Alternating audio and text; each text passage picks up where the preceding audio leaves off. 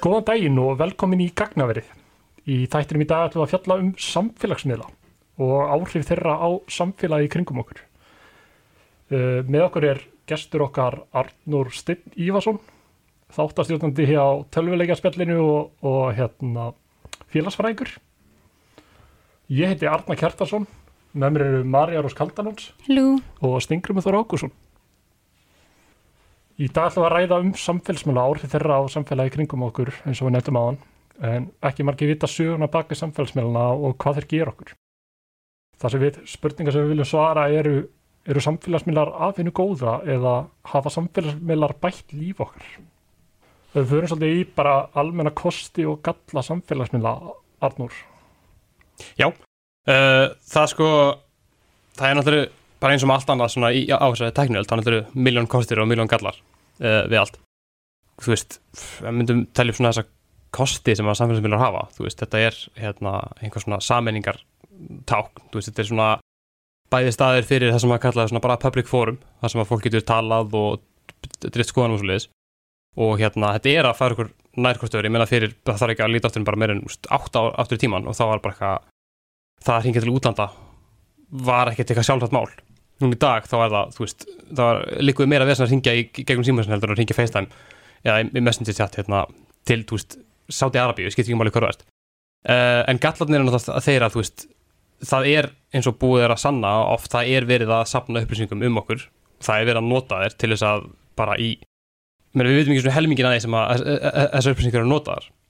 Og svo er líka hægt að tala um hérna, hérna áhrif samfélagsmiðla bara á, á sjálfsmyndina og sjálfströst, á hérna líkamsmynd, hérna úlingsstrengja og, og stelpna. Úst, þetta er bara dróp í hafið þannig, úst, en það er erfitt að segja hvort að kostinir útvegi gallana eða hvort að gallanir útvegi kostina það er kannski eitthvað sem við myndum bara komast að eftir sko. Marja? Já, ég myndi líka segja að það er mjög gaglegt fyrir ungd fólk í dag sem er kannski, sem var ekki bóðið fyrir 15 árum er að það fær svolítið að sjá hvernig fólk hefur það annar staðar í heiminum og er kannski upplýstara um hvernig ástandi er í löndum sem þið vita valla nafni á einhvern veginn. Þú vita miklu meira um heimin í kringu sig og einhvern veginn hafa miklu meira aðgengi að sjónar með annara sem lifa allt öðru í þessu lífi en þau gera sem er án efa mjög jákvægt og svo einhvern veginn, þú veist, það sem þú varst að tala um samfélagi geta komið saman og þú veist, það eru, maður sér það á Facebook það eru til miljónir mismunandi grúpa sem fólk getur komið saman og þú veist, tala um áhuga á málun sín og bara til að nefna dæmi þá eru til að minnst okkur stu þúsund mismunandi grúpur á Facebook bara fyrir förrís, sko.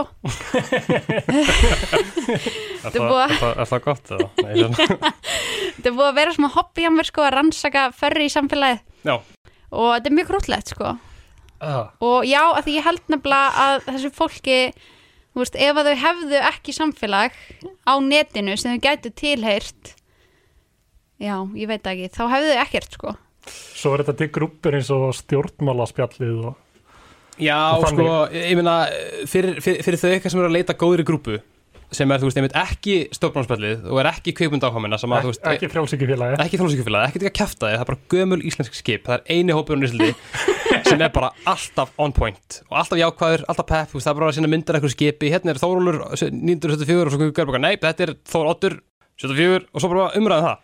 Það var mjög skemmtilegt, ég fylgdist þar svolítið með þú út þetta mikið í, í tölvuleikjanum og tölvuleikjarspjall grúpan á Facebook Mm. uh, stelpa sem þetta Jana Já. kom inn fyrir nokkur mánuð, Já. hálfu ára síðan uh, hún, hún byrjaði sko í fyrra sumar uh, og hérna var að tala um áriði sem að stelpur fá á sig í tölvuleikjum í online tölvuleikjum og við tókum viðtalið hana mitt bara eftir það, en ég, held að hún tekið viðtalið hana í ágúst þá var hún búin að vera að tala um þetta lengi sko, en ég held að hún hafi byrjað bara í vor í fyrra sko Já, ok. Þetta var mjög svona uppbyggileg umræða sem kom með og svaraði mönnum mjög vel sem voru komið með svona gagstaða búnta. Já, hún var mjög, hún var mjög duglega að svara alveg ótrúlega duglega sko og hérna og þú veist, eins og með allt á netinu þannig að það fór þessi umræða bara út í, út í bara eitthvað rugl Já, heil alltaf sko, en það var svona, var alveg svona góður kjarni af fólki sem var bara, þú veist, því, ég meina, strákar er ekkert að fara setja sér í spór stelpna á, á hérna í veist, það er bara bara fysiskt er ekki hægt Nei. fyrir kallmanni alveg að- setja sér í spór þannig að, þú veist, umræðan var alltaf þú veist, freka leðileg en það var þessi kjarni að það var hún og svo voru, nokkur aðra og auðvitað nokkur strákar líka sem voru að taka upp hanskan sem voru að tala bara um veist, hei, strákar, þið geti ekki sagt þetta þið viti ekki sannleikan Nei, við- við tókum þetta viðtal í fyrsta þættinum okkar við hana Melínukolku. Já. Tókum við þessa umræði líka og mjög gaman að hlusta á hana ræða þetta mitt. Já, hún er mikill mittari En maður er mitt séð mikið uppgang. Það er bara mjög gaman að sjá svona sterkar umræði myndast á svona grúpum. Það er líka, hérna, ég er búin að vera að fylgjast með hérna, einmitt, ef við tölum að sem sérstaklega svona, uh, þetta unga fólk, þessi ungmenni ég ætla ekki að segja unglingar, af því það er svona svolítið leðlutaka, en svona ungmenni, þá erum við að tala um, þú veist, krakkar sem eru á aldrinum, þú veist, 14 og allt alveg upp í, þú veist, 18, 19, 20 að það er rosalega mikið um það að þessi krakkar sé að taka þátt í umræðanetinu og eru bara að, þú veist, vera bara ógeðslega málefnulega og góð, þú veist, sum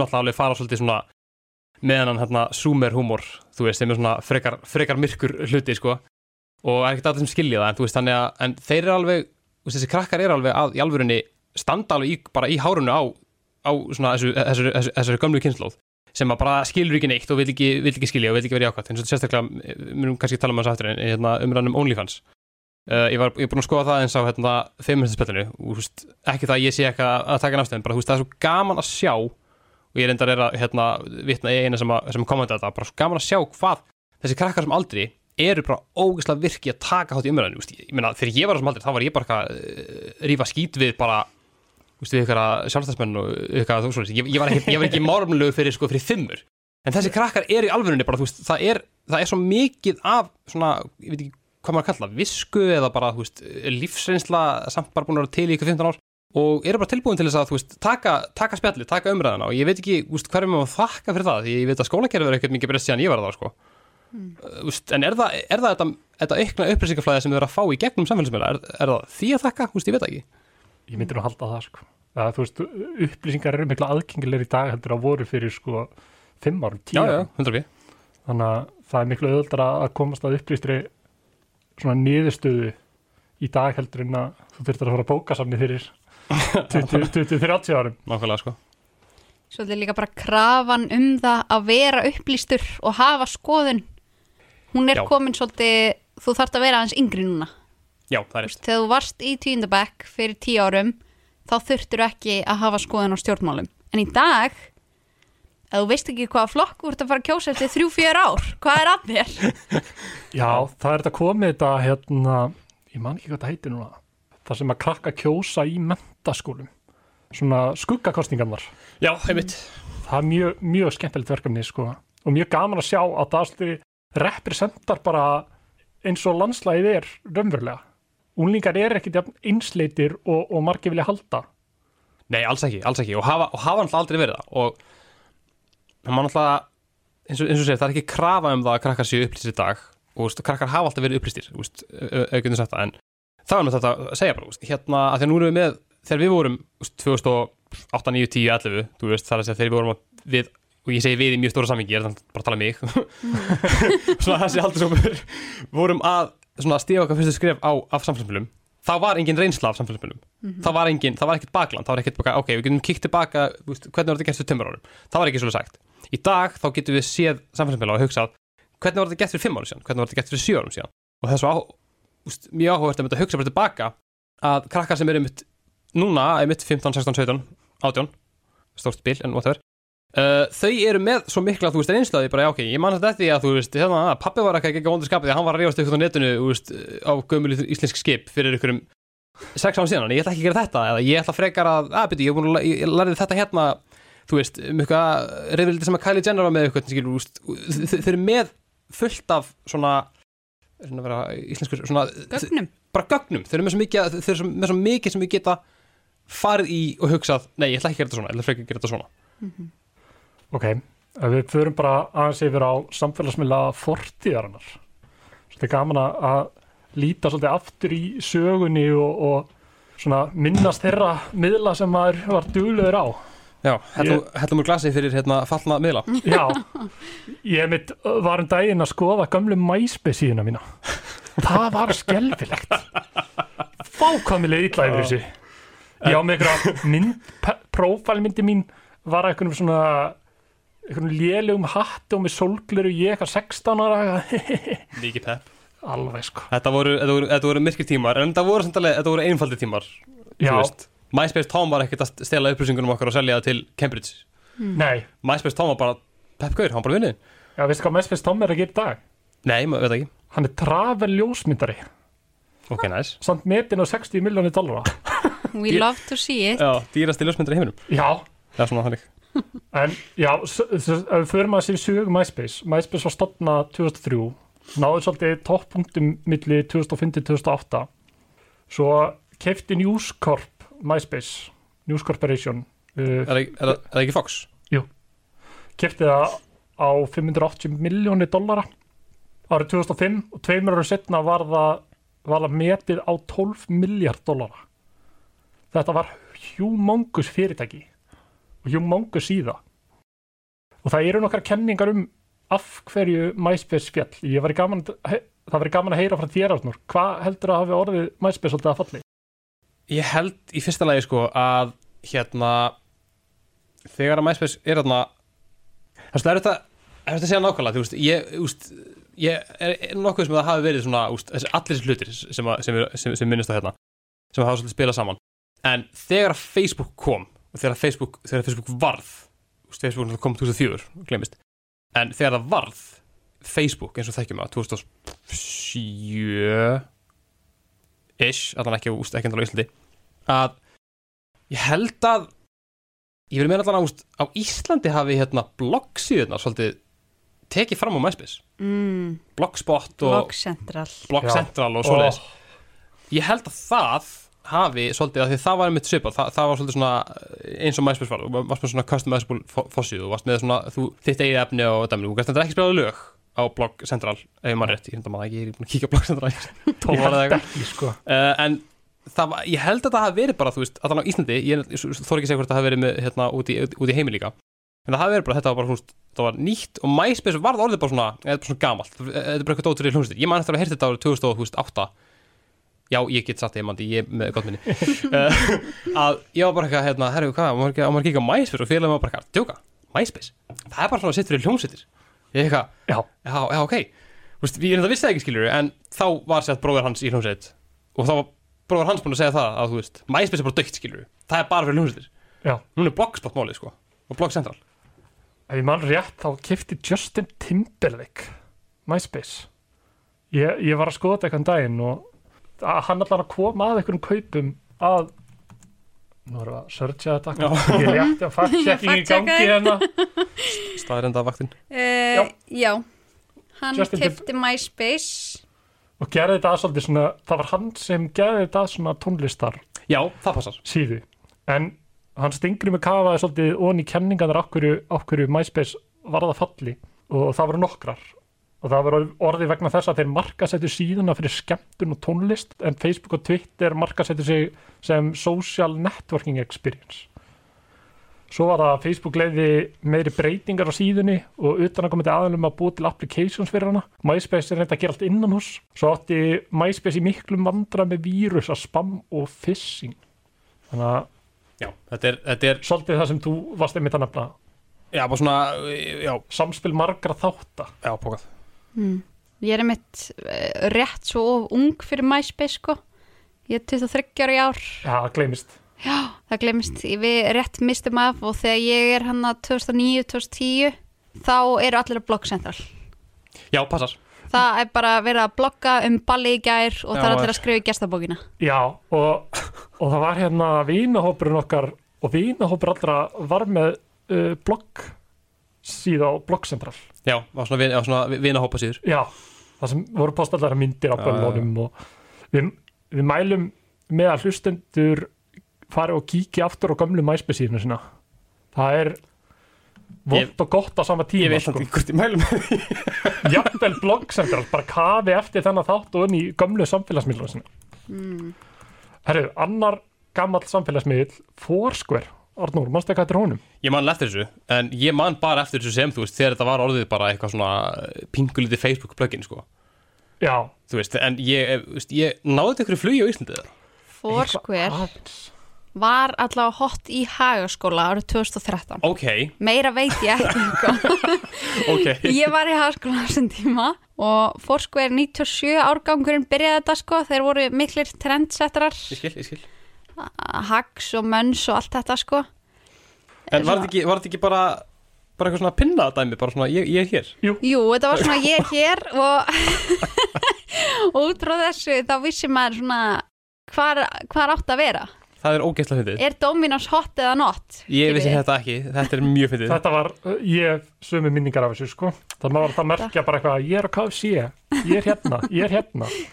Og maður hugsaði svona tilbaka Þá er það pínu slæmt Já, já, já af því að Ég- Ég ætla gíska að það ekki verið mjög- mjög faldar upplýsingar. Nei, Nei. maður var líka alveg að merkja sig heima hjá fólki.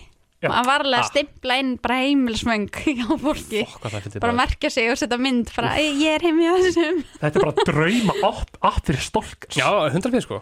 Bara ég get fylst með stolkíinu minni Bara hvar sem hún er Af því að hún er að merkja sig alls þar á fórskur Já. Fórskur dó svolítið niður En þeir voru mjög sniðvír Þeir voru mjög sniðvír, þeir skiptust í tvenn Annars vegar í Foursquare City Guide og hins vegar Foursquare Swarm. Það fyrra er appsip á hjálp, en setna er svona social networking og location sharing. Já, já, Og fyrirtæki bjóligandi forrið sem kallast Pilgrim SDK og það er notið af Tinder, TripAdvisor, Capital One og fleirum öppum. Þetta er svona location featuresin í mörgum af þessum öppum sem við notum í dag. Eins og Já. Tinder. Og líka, þú veist, eins og, eins og ég, veist, ég man eftir þessu á, þú veist, hérna, Facebook. Er þetta ekki bara beysið fyrir það sem er núna bara checking in? Jú, Þú veist, þannig að þetta, er, þetta var frekar langt á undir sinni samtímin að, það var ekki til að tíma sem að nema kannski hagaskóla, þú veist, ég man ekki eftir að þetta hafi verið eitthvað dæmi sem að þurfti uh, svona ekki beint, en núna er maður svona að hugsa, þú veist, já, ok, veist, það var alveg gaman að, veist, ég er hér. Já. og fleiri geta saman saman hér, svona eins og líka bara eins og á Snapmap og Snapchat ég held að vandamála hafa verið svolítið að þetta var bara opið öllum en ekki bara lokað einmitt. bara milli vina sko. ekki svona hópaskipt Herru, svo var það væn. Úff, væn Ég var aldrei á væn. aldrei á Nei, ég, væn ég, var ekkert, ég var ekkert að gera væn en ég, ég fylgdist mjög vel með Já, ég var að, ég, við Stingrum vorum að skoða í, í vikunni hérna Top 10 Most Popular Wines of All Time á YouTube. Ég get alveg sagt að ég man ekki eftir neina á þessu. Þetta er geggjað sko, það er svona fítus á Instagram þegar þú ert að taka upp story þess að kemur upp, þú veist, svona hálfur texti úr einhverju væral væni og þú ert að klára það á einhverju nokkur sekundum. Þetta er mjög gott sko. Þetta er, já, þú veist, maður svona veit hvað þetta var en þetta var stopnað 2012 og keift af Twitter Mm. sama ár.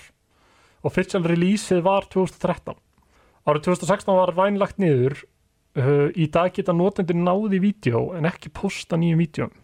Og fyrir formaða væn var í viðtali á Verge og hann talaði um það að Instagram-vídeó hafi verið byrjunin á endanum hjá væn. Af því að Instagram var bara svo stort. Þannig að þegar þeir introdusa features að við sjáum hvað gerðist við þó að Snapchat sé ekki döitt í dag en vinsaldir Snapchat er ekki er ekki nálægt í sem þær voru áður en að Instagram stories komu sko. Nei, það er líka bara, þú veist, það sem var svo gott við væn er að þú þurftir að vera fyndin á sjö sekundum. Þú hafði bara sjö sekundur. Og það var geggjað. mjög margir sem gera það mjög vel. Og hérna, er líka mjög fyndið að sjá svona nokkrir hérna, sem urðu frægir á væn sem eru bara bara superstjörnir þetta og það, það var ég ekki að tala um eitthvað mótel eitthvað, ég þarf að tala bara grínist eins og Limmy, Mm. Já. Limmy sjó hérna í Skotlandi, ógeðslega fyndingur hann byrjaði á væn. Casey uh, Frey, Casey Frey, Uh, já, bestur. alveg, ég að tellja upp en ég man ekki þetta en það er myndið rétt, ég man eftir þessu alveg veist, þegar að hérna, Instagram-vídeó var kynnt og þetta var, veist, svona The Vine Killer. En einmitt þegar það var kynnt, þá var ég með bara svona, "Ah, ok, en Instagram-vídeó átt að vera Snapchat killer skilur, en það dó ekki. Snapchatin þetta gerði það bara sjálft með því að hérna, kom með hérna, frétta veitu draslið inn í stories í stæðin fyrir að vera með hérna, þeir breyttu lúkinu á Snapchat og núna þegar þú ferur inn á Snapchat þarna til hérna, hæri að þá hérna þá ertu með bara hús Daily Mail og eitthvað svona drastlmiðla skilur sem Já. eru bara með eitthvað svona algjörst, algjörar svona sortfréttir þannig að veist, ég held að Instagram hafa ekki dripið Snapchat, Snapchat drapið sjálft en Instagram drap klálega væn ekki sko, er ekki spurningum það.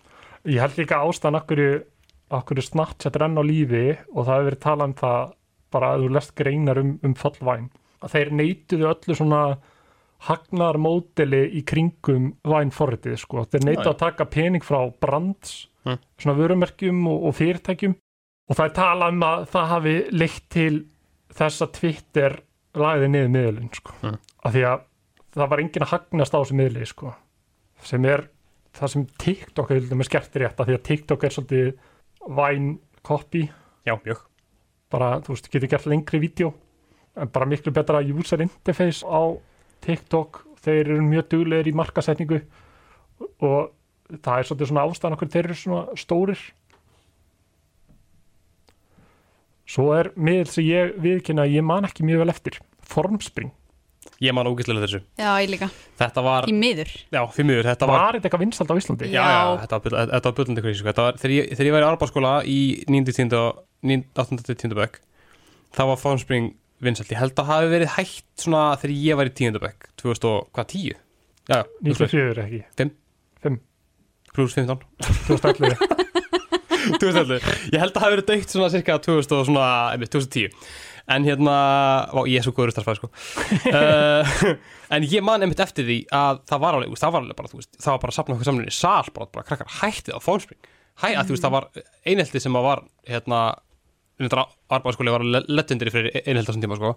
En þetta bætti það mikið í, veist, það var bara, þú veist, það var bara einhver, sagði bara, man ekki nokkra kvönda var, var þetta ekki að þú settir fram spurningu og fólk hætt svarað? Uh, Sko, þú gast sendt inn nafnlausar spurningar Já, já, já, á aðra kanta. Þú kannski senda nafnum spurningar, já. Það var einmitt bara, fólk var bara, af hverju drepur þið ekki? Drastlið, af hverju var ertu ekki löngu búin að, af hverju er ekki fóröldarinn að þetta og margt, margt meira sem ég man eftir og þetta ekki eins og segja, úst, bara, þetta var, þetta var ömuleg staða og þetta var þannig að það var kalla okkur á sal, bara krakka, hættið þessu, skiljið. Þannig að já, formspring var mjög, mjög vinsalt og greinlega hjá þér líka. Það voru haldnir fóreldrafundir um þetta og Já, já, já. bara alls konar sko. Það var hræðilegt Þetta var bara Public Enemy number one á sínum tíma og í rauninni finnst mér svolítið svona leiðilegt hvað þetta, þetta hefur glemst hratt af því að bara, þú veist ef ég á að segja plebbalegasta pleb, plebbalegasta setningu allir tíma frá félagsfælulegu sjónahotni þá er þetta sko klikkað. Að þetta hafi verið í öllum skólunum að þetta verið eins allstaðar og að krakkar hafi bara gert þetta og þú veist, þú veist, hann ekkert, ekkert skríti, ég meina, nafnleysi er eitt kraftast tól sem að manneskan hefur. Já, í rauninni, það, þarf ekki eins og nafnleysi, það þarf bara að vera svona digital nafnleysi, þannig, þú, bara það að vera með bara með nafn, ekki með mynd og vera á stannum, það er nóg bara, þá ertu, þá, þá getur vennilegsta manneski í heiminum gert ótrúlega hluti. Og þetta er mér bara, þú veist, núna get ég sendt bara nafnlust og ég get sendt á stelpunum sem í skotinni, bara eitthvað, hei, ertu hrifin af Kára, ég er Kári, skiljur Já. uh, en ég get líka bara sagt bara, hei, af hverju ertu af hverju ertu ekki leikum að drepa þig? Einmitt. og a- af hverju ekki bara gera það þegar það er engar afleggingar og þú finnur ekki fyrir um afleggingum þetta er bara spurningum að setja um texta, ít og enter, búm, búið. Maður sér þetta svolítið á TikTok í dag sko. ef þetta skoða maður lendir stundum á TikTok sjá svona yngri aðilum og það er mjög mikið um bara abusive hegðun á miðlunum sko. Já, það er rétt. Þetta var, hérna, það var talað um þetta fyrir tveimur árum frekar heldur en einu ári, þetta held ég ekki í COVID, sko. Jú, ég var, jú, jú, ég var að vinna, ég vinna í hérna félagsmyndu, þá var, var verið að tala um þetta, þá var þetta reynda svona að vestur þetta búið, en það var einmitt rosalega mikið um það að börn, og þegar ég segi börn, þá meina ég bara, þú veist, bara 8, 9, 10 ára gamla, bara börn, voru einmitt að, hérna, kommenta á TikTok og hjá, öðrum skiljur, með username, ekki með mynd, og krakkar sem kannski notu ekki TikTok, voru ekki, voru ekki búið til sjálf. Þannig þau voru bara með hvítan prófíl, þú veist, ekki með neitt. Og þau voru bara, veist, af hverju dreipur þau ekki bara? Veist, þetta er umlega TikTok, veist, þannig að líka bara, þú veist, gera þetta við eldri aðila. Ég sá Já. eitt dæmi og mér fannst það geggjað. Að það var einhver krakki sem að patchaði þú veist, vídeo, þannig að hann tekur byrjun á vídeoinu hjá einhverjum öðrum síðan talar hann. Mm. þar sem hann tók, sem sagt patchaði vídeo hjá stelpur ég þekki og var einmitt að tala um bara ættir að drepa þig og helvitis hóraðinn og bara eitthvað svona ljótt, sko. Og það fann ykkur út hvernig hann var og senda mömmans TikTokið. Og þessi account er ekki til lengur. Það er mjög gott. Hann hefur verið tekin í gegn. Já. Ef ég var í fóreldri það það er bara gjössalega brjála það sjá svona en herri, höldum maður á Tumblr, Marja, þú er Tumblr sérfræðingur um. Já, já, ég var mikið að tæmla Það var hræðilegt sko. Uh, og fyrir okkur okkur Tumblr fólki sko þá er, þá er það svona almennt samþygt að Tumblr hafi dáið daginn sem klám var bannað inn á Tumblr. Þá bara farið sér allir yfir á Twitter. Þá er þetta bara til hvers að vera einna á þessum miðli ef, ef við getum ekki fengið klám skilur við. Ég man, ég man ótrúlega vel eftir þessu. Ég, ég var sjálfur ekki inn á Tumblr uh, en ég man samt ótrúlega eftir þessu. Ég hef alltaf verið á Reddit og það er með það bara, þú veist, Tumblr er sett to in a ban porn. Og það var bara fyrsta kommentið var bara, bara bæ Tumblr. Sjá, sjáumst aldrei aftur. Sem er skrítið sko að því Tumblr Tumblr var, hann alltaf er til í dag en ég held að mjög, mjög fáir sem voru virkir á Tumblr fyrir 5-10 árum noti hennar miðil ennþá og Tumblr er ótrúlega fjölbreyttur miðil Mhm. þú kannst stilt tónlist, myndum, textum sumir voru að skrifa sögur og byrta kabla, Mhm. þú veist einu sinni viku og alls konar pistla það var mjög góður miðil en svo bara einhvern veginn dóan já, dóan bara að því að var ekki klám lengur. Og þá var hann ekki jafn spennandi eða ég, hvað? og ég mani með eftir í sko, hérna, hvað, var- markmiðið hjá Tumblr? Að gera það, þeir vildu náttúrulega bara, þú veist, minka þú veist, hvað maður segja, ósæmilega hegðun á, á miðlunum, en þú veist, það að banna klám bannar ekki nasista. Nei, það að banna klám bannar ekki einhverja svona einhverja svona hérna, draumóra síður þar sem að fólk er einmitt að bara koma með einhverja fantasíður um kynferðisofbeldi og það, það er ennþá, ennþá live og ég man einmitt eftir því það var tekið saman, ég man ekki hvað það var ekki, ég var að, úst, hvort það hefur verið Wired eða eitthvað sem tókuð saman, þú veist bara, veist, þetta er ennþá Tumblr þátturir þetta bann skilur sem átt að einmitt að úst, minka skadalegt efni. Og það var einmitt bara svona eitthvað svona uh, trú ekki svo að segja þetta, svona eitthvað svona nasista förri kláms eða svona þá nasista förri svona fantasíu eh, hópur skilur ég, ég okkar og líka að sama skapa það var það bara svona þú veist bara, þú veist, hei langaði til þess að lesa eitthvað svona, eitthvað svona fantasy fanfic um það að bara um, bara um naukanir hérna það, veist, það, það er náttúrulega leift en þetta er ekki myndir, þetta er bara texti. Uh, ég veit að núna er búið að krakka mi- mikið, uh, úst, mikið meira svona já, bara svona ósæm, ó- ósæmilegri frávegshæðun á Tumblr en veist, þetta gerði nákvæmlega ekki neitt annað en drepa miðlun það að segja að þeim taka út það sem fólki vill Nei, líka algoritm hjá Tumblr notaði fyllt af false positive brotum sem að geði notendum mjög erfitt fyrir sko. Hmm. en Wired uh, tók saman já, nokkra mögulega þætti í banninu og þar á meðal klamfiki efni gerði þjónustuna óhafa fyrir hugsanlega auðlýsindur uh, lögin Stop Enabling Sex Traffic er sagt, bandarísk alríkislög sem gerir vefsíður ábyrgar fyrir að aðstóða eða auðvelda ólögleg kynferðisleg mannsal vísvitandi.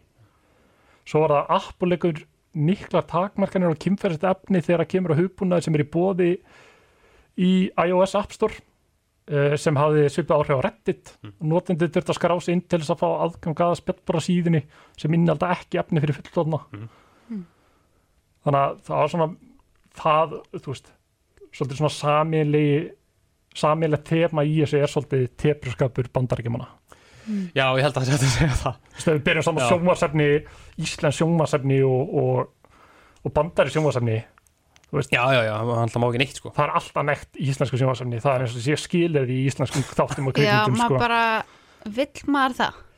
Það sjá heilmisnað á tippinu Já, ég, við, við höfum séð tippa á Hilmi Snæ Já, þurfum það, er meira. enda, það er enda rétt sko. Við erum, það, eru, það eru svona tíu manns sem að leika í kveikmyndum og sjónvarpöðsli Við erum búin að sjá tippum öllum. Þetta er eitthvað rosa evrópsk kvikmyndagerð. Já, Það verður að vera nekt. Það líka hérna ráðherran, þátti þættinir þeir hlutu endilega að sína tippið á Ólaði Dara Ég hef ekki séð það, hann er nú veit ég góði þætti samt, mjög góði með þessu. það sem tippi En bara svona, með, Tumblr ég, bara, að Því að mér fannst svo gaman einmitt, hérna, Þegar ég var í þú veist, grunn skáttrik Svona örli í mennskóla Að Tumblr var, þú veist, samheiti við Og ég, ég, ég er ekki að setja á slæmanhátt Þessa típu Sem að sata á einu borði hérna í skólanum þú veist. Þetta var svo Það, það var svo geggjað að sjá. Þetta voru svona, þú veist, þessi svona uh, list, listrænu típur Já, Ég er að passa maður að segja ekki eitthvað Latti Lipiti 101 eitthvað Það er ekki sem það, er alls ekki, já ég að Ég er ekki að meina það sko.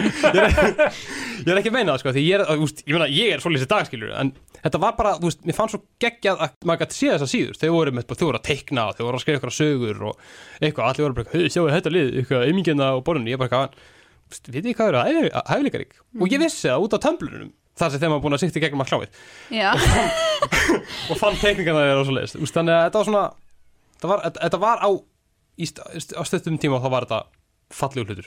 En það var mentaskólinn okkar mjög mikið fjölmenningarsamfélag. mjög var- Allar típur af fólki þar sko. heldur betur maður, Við held ég átt að sagði meðlegt að vera málfundafélagsnördar. já, passar Já, Tumblr var mjög skapandi vettfangur en þetta var líka, veist, þetta var líka viðbjörslega eitrað. Ég man Já, á, já, já. á tímanum þar sem ég var að virka á Tumblr að því það var eitthvað við Tumblr, það voru flestir nafnlausir, Mhm. mjög margir voru nafnlaus, ég var nafnlaus, nafni mitt kemur hverki fram, það var ekki mynda mér eða neitt. Þannig að fólk var að viðra eh, mjög svona prívat hugsanir Mhm. og alls konar svoleiðis og það var mjög mikið af svona hvað segir maður uh, svona sjálfsmorðsromantíseringu mm, og svona já. sjálfskaða romantíseringu þá mjög vinsælt á Tumblr og mjög mikið um svoleiðis efni svona myndir þar sem einhver er búin að skera sig og, Mm. og þú veist, blóð í baðkari eitthvað mjög svona dramatíst og dark og, og klálega ekki jákvætt fyrir 12-13 ára krakkana sem voru þarna á þessum tíma sko Svo var þetta líka Harry Potter og Ron Weasley, Já, sexual fanfiction. One Direction fanfic Einhvern veginn mann ég eftir því, ég veit ekki af hverju, ekki spyrja mig. þetta gleymir maður því, skiljum að sjá þetta, þetta er, þetta er brent inn í heluna það er bara eilífu, sko Já, þetta var svolítið svona bara online dagbók fyrir alla að sjá, Mhm. uh, pælum í því. Svo svolítið svona íslenska útgáðan af þessu, hugi.is. á, ég, Varst þú mikið á huga.is? já, stundið að huga í drasl, sko. Það var hérna ég uppgötaði huga á sama tíma og sko, ég ætla að taka fram að ég var algjört fíbl í grunnskóla. Mikið fíbl ég uppgötaði huga á sama tíma og ég uppgötaði Martin Scorsese Mm. sem var bara besti hérna, kvikmyndigerðamaður í heiminum. Og allra tíma sko og hérna ég var eitthvað að horfa Goodfellas og Departed og Casino og bara þetta eru bestu kvikmyndir. Og það er það skilur, alveg geggar en það var ekki eins góður og ég held á þessum tíma. Ég bara þetta eru bestu kvikmyndir alveg tíma. Og ég eitthvað fór að, hérna, fór að gera svona, svona re- review á huga. Og ég hérna spoilaði Departed fyrir fullt af fólki. Af því að ég hérna ég var að skrifa, bara ég mér finnst það svo geggið, ég er búin að horfa á eitthvað, sexunum í röð eitthvað, ég bara, þetta er geggið mynd eitthvað. Og ég varð að deila þessu með ykkurum þú veist, þetta var ekkert Facebook úst, ég var ekkert að fara að skrifa ykkur movie review á Facebook þannig að það var Facebook alltaf öðruvísi og þú veist, það var ekkert eitthvað sveirum fyrir ykkur langa status þannig ég fór hann á höfu.ri, skaldur kjömyndir og ég skrifaði bara geðvikt langa um, sagði bara plottið. Og svo var einhvern sem sendi mér skilum bara, helviti skeppið ég vissi ekki að þetta enda svona. Og ég eitthvað, þú veist, fuck, eitthvað ég ætla eitt í, ég kunni ekki þetta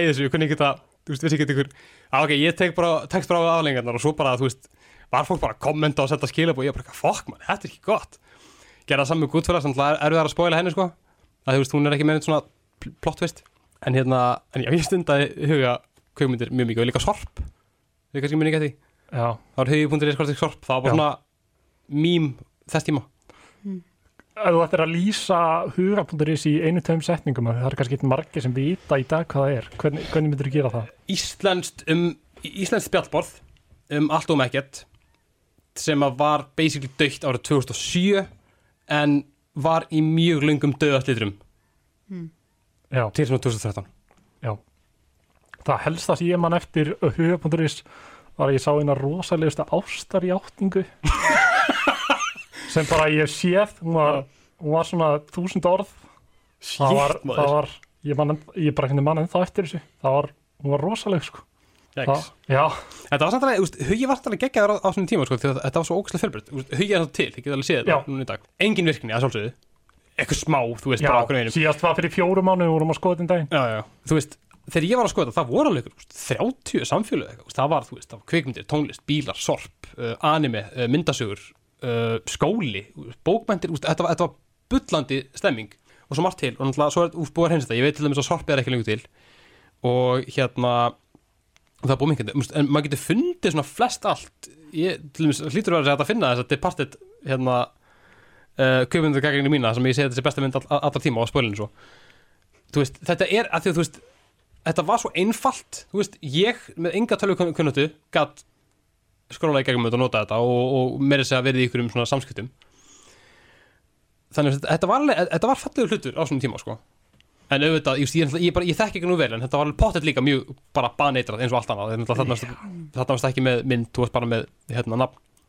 Bara eins og reddit. Ég held að þú finnir ekki samfélagsmiðil sem er ekki með toxic. Nei. af því að fólk er bara fólk. Já, já, nákvæmlega. Fólk þarf ekki eins og samfélagsmiðla til að vera toxic. Kannski, kannski kemur hérna betur á því eftir því það er líka einmitt eitthvað sem ég hef skoðað. En, en ef við förum yfir í uppáhald samfélagsmiðli minn förum úr þessum gömlu samfélagsmiðlum yfir í þann samfélagsmiðl sem ég nota hvað mest Twitter Ég veit að Marja með mjög sterkar skoðunir á Twitter. Sko talandi um ástarjáningar Ég veit ekki hvort þetta er lýsandi fyrir Twitter samfélagi og ég vil bara segja sorry Siggi eða ást að hlusta. En árið 2013 uh, var Twitter samfélagi á Íslandi rosalegt, það var stútfullt af úlingum, þetta voru aðalega mentaskóla krakkar á þessum tíma. Og sérst, ég og þá var þetta kærastu minn Siggi uh, hætt saman og þetta var allt saman mjög dramantíst og hann tvítaði svona 15 tvítum að því ég svaraði hann ekki. Ég er búin að blokka hann eða eitthvað svara ekki símanum. wow.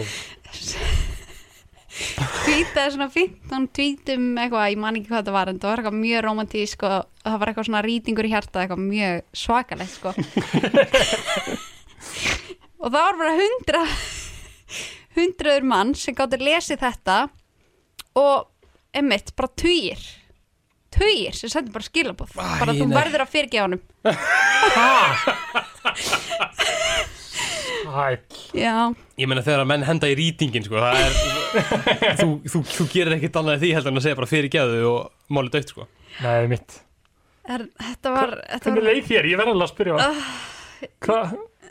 Hún er orðin rauð í kinnunum hérna ég var náttúrulega sjúklega aðtiklisjúkur úlingur sko.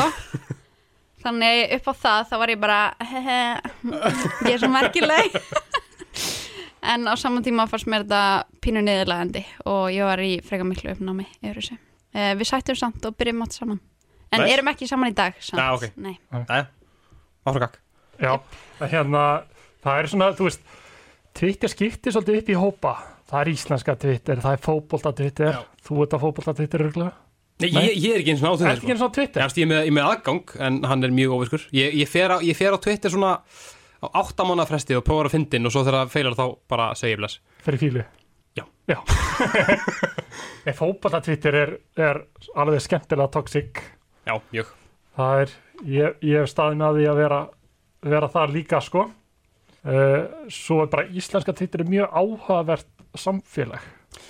Þetta er svolítið, þetta er svolítið fólk að keppast um að vera með heitasta teikið sko Það getur verið það sko um, Sýnir sér líka, þú veist, hvað Twitter er einmitt svona Já, ekki lengur, úst, ég, ég, ætla að segja að það væri eitthvað svona, að það væri svona einstakt fyrir, fyrir íslenskt svona samfélag, en þetta er það í rauninni ekkert lengur. Veist, Twitter er út um allt og það er alls þar jafn svona uh, viðtækt í samfélaginu. En íslenska Twitter er samt, veist, það, þetta, er, þetta er samfélag, hefur verið það bara frá byrjun. Og hérna, og ég man eftir því, þú veist, þegar félagið mig var eitthvað samfélag með, er, er, er, við kannski að hluta þessu hérna, Twitter-bólu einmitt á þessum tíma á 2013 eitthvað svoleiðis. Ég bara eitthvað, uh, nei, sé pinga eftir því núna sko, en ég man um þetta að skoða þetta, þú veist, þá sá ég nokkuð nöfn og ég bara góður að muna nöfn. Þetta er allt nöfn sem ég sé enn þann dag í dag sko. Mhm. Þú veist, allir, þess- allir þessir þá bara krakkar sem voru þá bara, bara að vera geðið tundir og Twitter eru núna bara fullir fólk sem er bara áfram mjög fyndið á Twitter og þetta er svona, veginn svona samfélag þetta, þetta er mjög lokað samfélag það er er ekkit öll að komast inn í það ég veit að ég er reynd og hérna en þú veist, ég veit ekki, er það er, er, það, er, er þetta sami viðbjörn hefur verið svona í gegnum árun eða? Mér finnst Twitter sko, sem manneskja sem hefur verið svolítið mikið á Twitter síðan 2013 allavega Mm. þá þetta hefur breyst ótrúlega mikið síðan 2013 náttúrulega þá var þetta einmitt, þetta voru eiginlega bara úlingar og bara einhvern veginn úlingar að interakta við aðra úlinga og, og svo fór einhvern veginn eldra fólk að koma inn og þau voru niðurlægð og það var gert grína um látlaust uh, fyrir að vera yfir tvítu og vera Sjálfsög en svo emitt, svo einhvern veginn breytist þetta kannski 2014, 2015 þá fer þetta að vera aðeins svona algengara og þetta er ekki, þetta er ekki bara mentaskóla Twitter lengur þetta farið að vera svolítið fjölbreyttra og það fara einmitt að myndast svona fylkingar veist, eins og gerast bara alltaf og mér finnst Twitter vera ótrúlega einstakur miðill upp á það að gera að þetta er ekki bara samfélagi þitt einhvern veginn. Já, það er rétt, það er eins rétt. Og Facebook. Já. þá ertu með þitt samfélag en á Já. Twitter þá er þetta bara einhvern veginn allt. Já, líka mjög skemmtilegt eitt af mínum bara uppáðast Twitter moments var núna um daginn þar sem að uh, sjáta þetta á Bjartur A. Uh, kom að stað uh, kostningum um hver var besti þáttur í ljósi sögunar mm Já, það var mjög skemmtilegt og það bara yfir þúsund manns held ég sem að tóku þátt í kostningunum og þetta var mjög þetta var mjög vinsælt, mjög skemmtilegt að fylgast með. Það voru það var Oxycontin þátturinn sem að, Ah. sem að vann. Geggjör og næsti var gíslatakan í Moskvu. Já Og Það- hérna hot take gísleika þáttunum betri. Ég er ósamla, ég er ósamla mjög skemmt, þú veist. Já, það er alveg slatta svona fallegu momentum sem hafa komið á Twitter og ég menna að þú veist, hérna ég man ekki hvort það hafi verið Twitter, ég menna, úst, Twitter er búið að vera mikilvægt fyrir, þú veist fyrir samfélag og umræðu bara í mörg ár. Úst, það er ekki og að taka fram, þú veist í fórstættíð Donald Trump skilur þú veist, það var alltaf Twitter bara mikilvægt hlutur í heiminum alltaf, þú veist, ef, ef, ef maður var, ef maður var í blaðamenn sko, var ekki að fekja um Twitter, þannig að var maður bara ekkert að vinna vinnunni sinna, sko Nei. til þess að gá hvað kallan hefði að segja um, en hérna já, ég veit ekki, ég veit ekki hvað hvað er þetta að bæta við Svo er náttúrulega líka með Twitter og komið þess og einhvern veginn vinsaldum er að þú þart í rauninni ekki á fréttamiðlum að halda. Nei. Þú þarf bara ekki að maður að halda. Þú getur fengið allar fréttir um allt sem er að gerast allstaðar í heiminum frá Twitter. Ég er ekki að segja að það ættu að gera það, en það. er hægt. getur ekki líka svona tengt þessa uppsefla á Twitter við okkar, hérna hann Donald Trump making Twitter famous again? Hann var, Jú. hann auðvitað fólk flyktist inn á, á Twitter svolítið á eftir honum sko til að fylgjast með hvað hann hefði að segja í hver skipti. Já, já, með, nokkulega eins og segi. Það er, það er alveg rétt. Og þú veist ekki þá að Twitter var eitthvað að deyja áður en að, að hann nei, nei, varð, varð fósiti en það er svona rétt, ég meina þú veist ég hef sko ég, eins og ég hef skoðað þetta ég, ég hef skoðað hérna, samfélagsmiðlum mjög mikið út frá upplýsingóruð og falsfréttum. Og fyrir mér þá eru þau strömmkvörf ekki, ekki fyrir mér, þú veist, þetta er bara, bara alveg 2016, Brexit og Donald Trump. Eftir það að þá hefur Twitter orðið hluti af veist, samfélagi allra. Á meðan fyrir það, þá var þetta, þetta einmitt svona, svona uh, loka svona, svona gáfumanna svona djók samfélagi einhvern veginn. Já, en núna í dag þá er Twitter einmitt bara, þú veist, núna fólk veit bara, ok, ef að Donald Trump getur gert Twitter sem frægt, þá veist, getur minn fréttamiðl líka blómstað inni. Þú veist, þannig að núna eru allir að gera þetta alltaf á meðan þetta var svona, skulum hendum, hendum hérna í Twitter-flæði líka alla fréttir sem við gerum, ég held að það sé sniðut um, en á samanskapi, út af því að það er þá fleiri upplýsingar, þá náttúrulega er mikið meiri líkur á því að það sé drift upplýsingar og, veist, meiri upplýsingar þetta þetta er bara eins og, eins og jafna ekki það ég kann ekki starfa. En þetta er bara, þú veist, því meiri, því meiri þetta því meiri þetta þetta líka, því þetta fylgir með. Þannig að eftir því sem að voru fleiri á Twitter, því fleiri voru að dreifa upplýsingaruðu já. Það er líka sko, Twitter er svolítið samfélagsmiðl politikusa Já. það er mér þess að Brynja Níels er á Twitter. Hannes Holmsteinn er á Twitter. Svolítið. eins og margir urðu vittni af ókvuð, hér um daginn. Við verðum að koma inn að það ég var að gleymi sér það er Já, mjög gott.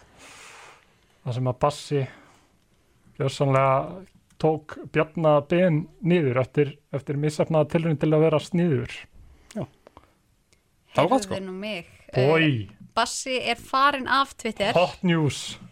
Það er, það er málið. Því miður, hann, hann var með mjög sterka innkomi. já, mjög, já, Bara nýmættur og bara, að ríða fólk í sig, það var mjög gott sko. Já, það var mjög gott. Gaman að fylgjast breath of með. fresh air. Já. Sko, ég ætla að vera pínu á þeim á þeirri skoðun að þetta er nú ekki mjög málefnulegt Nei, en það átti þetta örglega ekki að vera ekki. nei, Ég held að það sé tímapunktur í umræðu þar sem að hérna, málefnulegt hættir að skipta máli. Já það er líka hægt að svolítið svona hann fórst inn í þetta blindan Bjarni Já. ég held að hann hafi ekki vita hver þetta væri áður en hann skrifaði þetta sko. Nei þetta líka kemur inn á svona hva- hvað er, hvað er þessi, núna hljóma eins og svona 60 kallmar, hvað er þessi Bassi Maras gamall? 20 og hvað, tökja, eins Já, ok, hann er, hann, hann, hann, hann er ekki það mikið yngri en hann, en þetta, þetta, þetta minnir mér svolítið mikið á svona það sem ég hef lesið um þessa, uh, eins og þessa, svona, þessa zoomer culture þessar krakkar sem eru, þú veist, einmitt svona undir, undir, undir títu í dag svona það sá aldrei að þau hafa ekki áhuga á því að vera málumleg af því það er enginn búin að vera málumleg við þau. Mhm.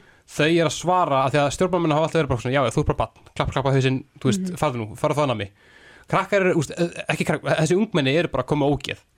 Þannig að þú veist, það er enginn að fara að svara stjórnmálmenn bara, hátt fyrir þingmaður, það er bara, bara að haltu kjafti og úst, gerði eitthvað í því sem ég er að tala um. Já, í staðan fyrir að vera bara eitthvað, þú veist, klapp, klappa hausinn og úst, fáðu nami og það er svolítið það sem að, hérna, ég man ekki alveg hver, hver var að segja þetta, ég, hérna ekki einhver frægur, skiptímáli en basically, einmitt, veist það þarf ekkert að vera, úst, þessi, þessi krakkar þurfi ekki að vera málumlegir í dag.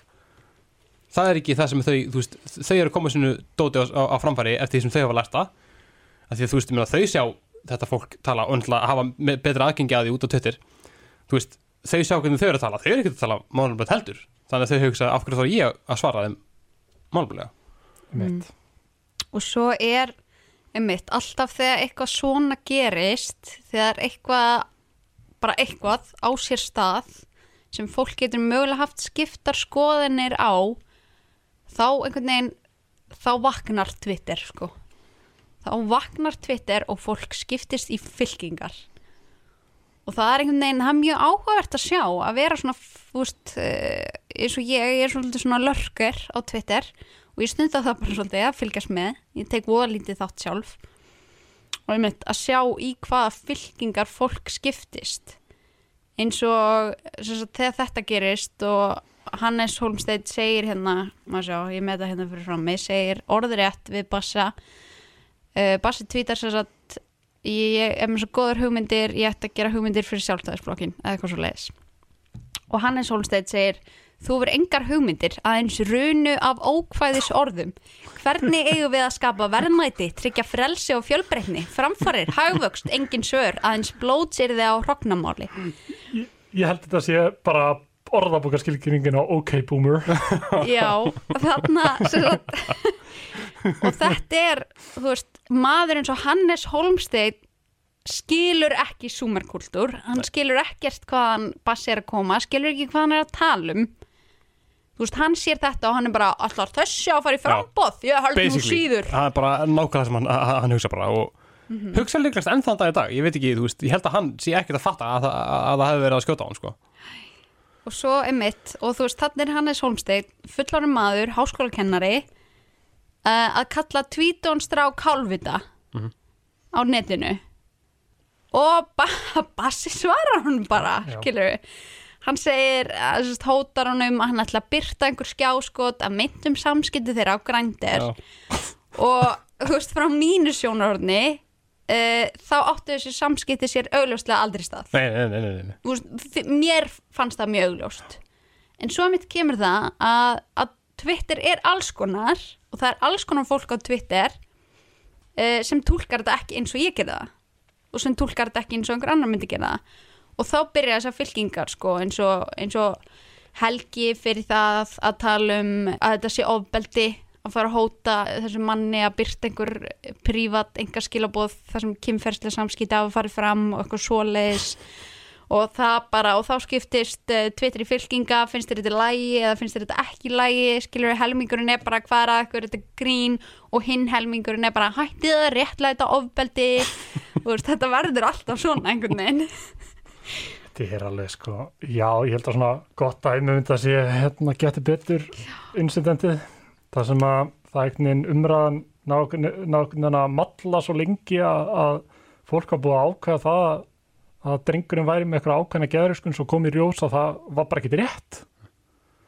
Það var eitthvað sem þekktan sem að kommenta undir en hann átti við einhver, einhver vandamál að stríða en, en, en fólk var bara búið að ákveða eitthvað eitt sem kom í ljós að var ekki rétt.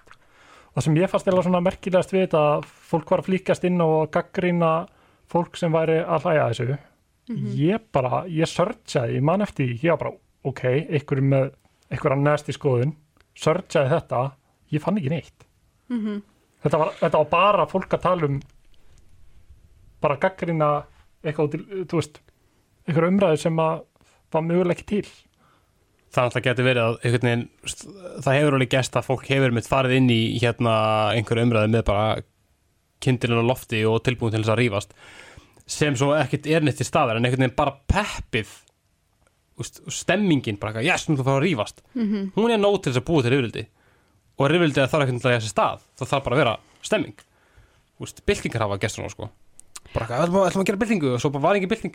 Bara, hvað hva, er byltingin? Svo bara varð bylting og einhver kongur dó, dó skilur, úst, þetta er ég man ekki nákvæmlega hvernig en þetta, úst, það þarf svo lítið til þess að fólk hópið saman og gera eitthvað. Það þarf ekkert Nei. til þess. Ég held að það sé líka einmitt, það er, þú veist, aðdráttaraflið, fólk vill sameinast og fólk vill tilheyra einhverjum hóp og þú veist, fólk vill hoppa á vagnin. Þú sérði Já. einhver, einhver tvö, þrjú tvít, það sem allir eru að tala um sama hlutin Mhm. og þú ferð á vísi og byrju, ok, hver sagði hvað, hvaðan er þetta Já. koma, hvað er að tala um, bara, hm, Bjarni Ben, hvað gerði hann? Ó, Bjarni Ben gerði þetta, ok, ég mætt, herriði. og þú vilt vera með, þú vilt taka þátt og tilheyra hópnum.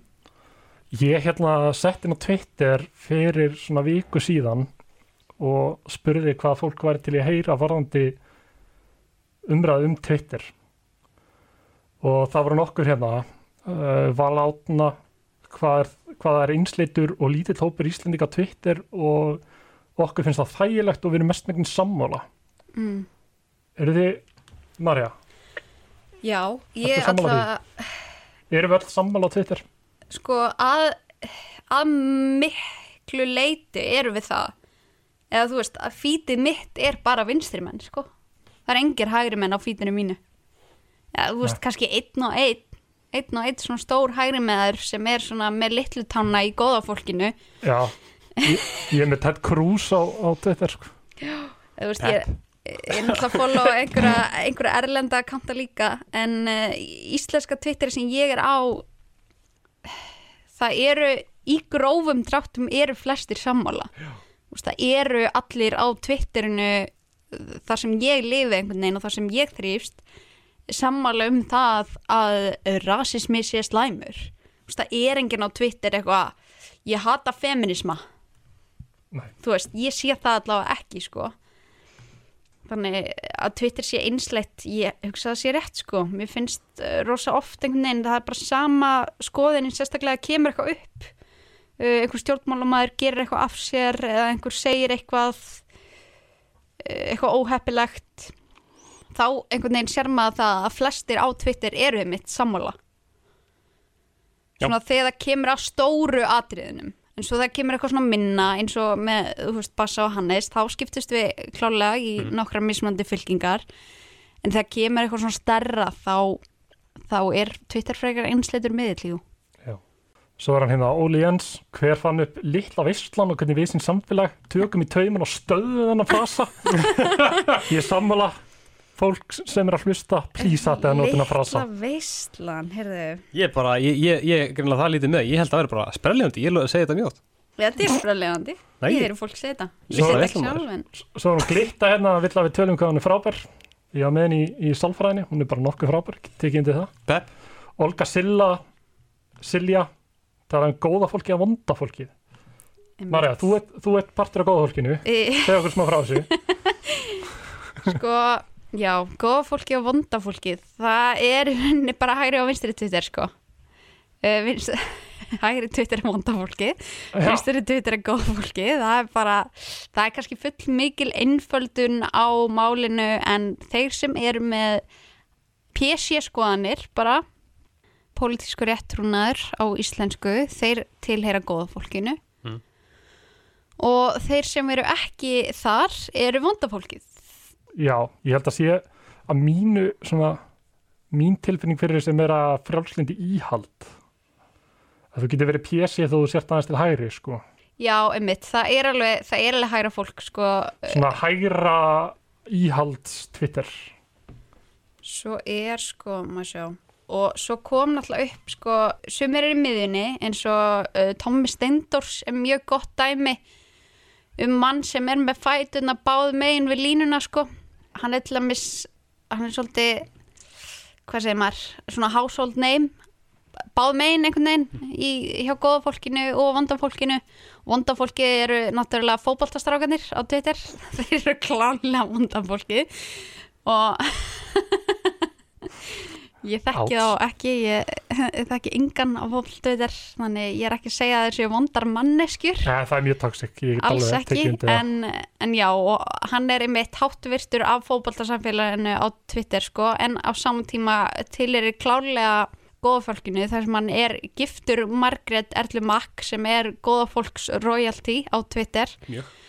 Góðastað fyrir því og, og Tommy einmitt uh, í fyrra þegar sem sagt, skriðan á seyðisfyrði átti sér stað þá tvítaði, Já. einmitt þá kom tæp, tæpagrínið sko. Hann sem sagt tvítaði einhverju gríni þar sem hann er að gera grín af í rauninni fólkinu á lunga eh, listurinn hippatípunum og að þau séu sko mætt á seyðisfyrð til að hjálpa Já, og Já, hann fekk, fekk á sig drulluna eftir þetta tweet sko. Cancelled. Já, hann hefði verið cancelled mögulega ef að ef það var ekki fyrir kona sem hann er giftur sko. En það er bara?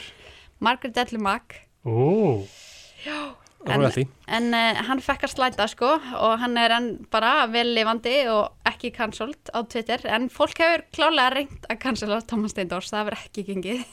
Nei, svo er hérna síðasta hvað áhrifum á Twitter hefur á Íslandi í markaðs og menningarlegu samhingi.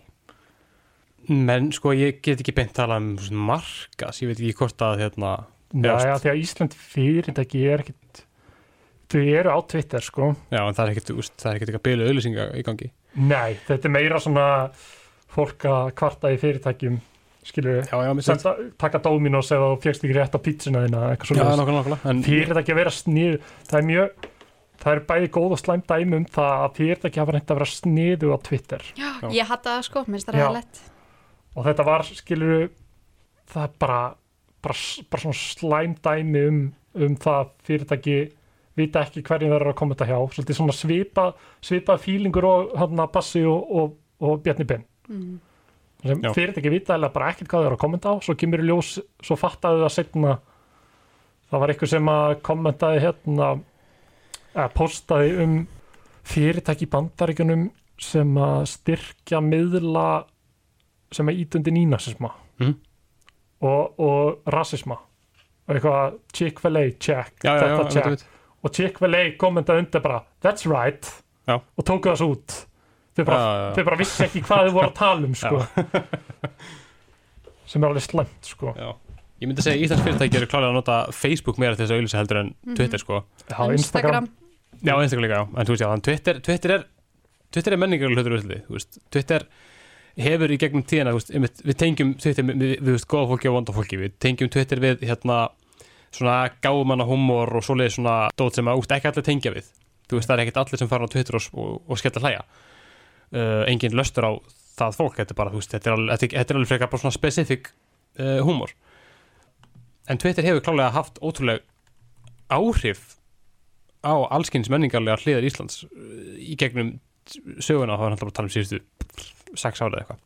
Þú veist, fréttir koma á, á, á, á hérna, Twitter viðvörunin, þú veist, hún, hún náði flugi á, á Twitter. Þannig að þátt fyrir að vera kannski ekki einmitt, uh, úst, alls ekki markaðslegu hlutur umfram Facebook, þá er Twitter 100% hérna, já, menningarlega hlutur. Það er líka bara eins og þú veist, öll umræðan um OnlyFans sem á sér stað í lokuðum hópum sem á sér stað á ákveðnum Instagram síðum, þú veist, þetta endar allt í einhverjum malli á Twitter Já. Allt sem gerist í íslensku samfélagi endar á Twitter Mhm. Það er bara sama hvaða miðlega gerist á, hvort það gerist á Facebook, Instagram þú veist, fréttamiðlum eða bara í alvörni live, þá endar allt á Twitter ok, ef við færum okkur yfir í uppáhaldi okkar alla áhrif á valdar Yay.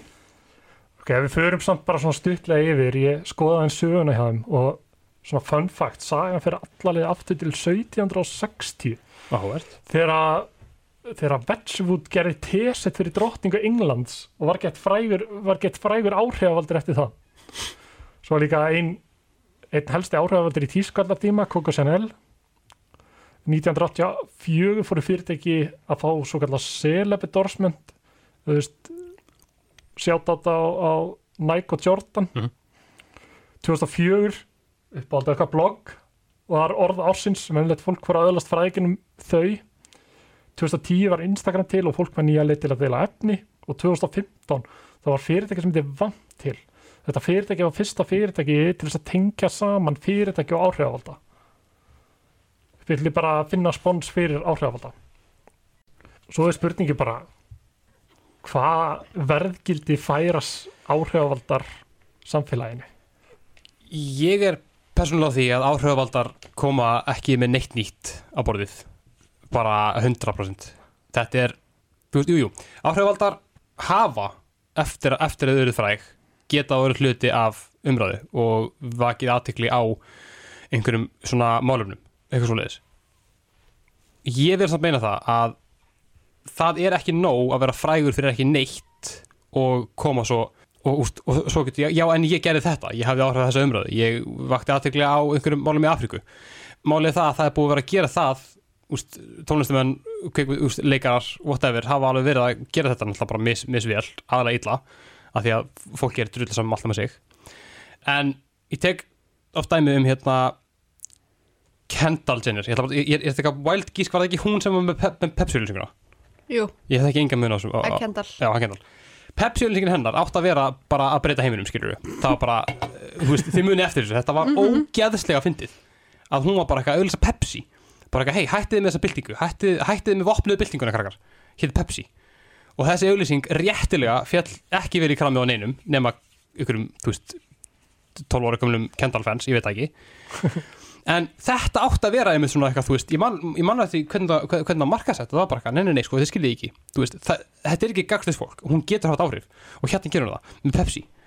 En það var ekki bara dreigið, þú veist, það var ekki bara verið að svona benda það bara, ég bæði og við erum í hyperkapitalísku samfélagi, það sem að, hérna, fyrirtæki lítur lít svo stort á sig, að það var bara fallega stelpu og vöru til þess að enda, þú veist, til þess að allir verið sáttir, þú veist, by- byrjum á því en líka bara hvað þetta dró mikið úr sko öllum byltingum úr, úr þá úr alvarleikanum og hérna mikilvægi byltinga. Úst, það var bara verið úst, það var bara, þetta var risastór fokkjúputti á alla sem hafa dáið í vopnuðum bardögum fyrir frelsi og líðræði að fyrirtæki hafi sko úst, ég, okay, ég, ég held ég að jafna á þessu en ég, er ekki, ég, ég brjála eftir að sá þetta sko.